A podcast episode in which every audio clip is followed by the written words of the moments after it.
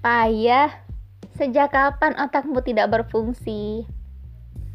Ucapnya sesaat melihat hasil tugas yang berantakan. Sejak terbentur tembok masalah dan diterpa angin ribut, Dilan menjawab sekenanya, tak serius menanggapi.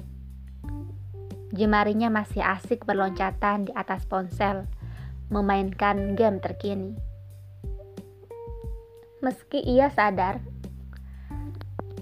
akhir-akhir ini dia sering kali gagal fokus, susah konsentrasi, gagap mengambil keputusan, dan sulit memahami dunia. Stres.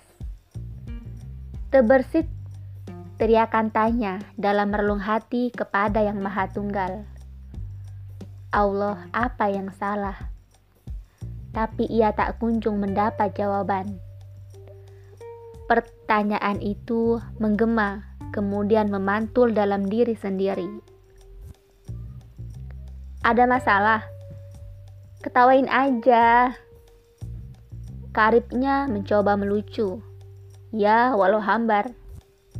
Dil, kamu tahu, supir ugal-ugalan itu lebih mendekatkan penumpang kepada Allah daripada supir yang datar. Dia berujar lagi.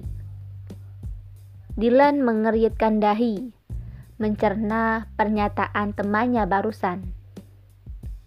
Menyimpan tanya.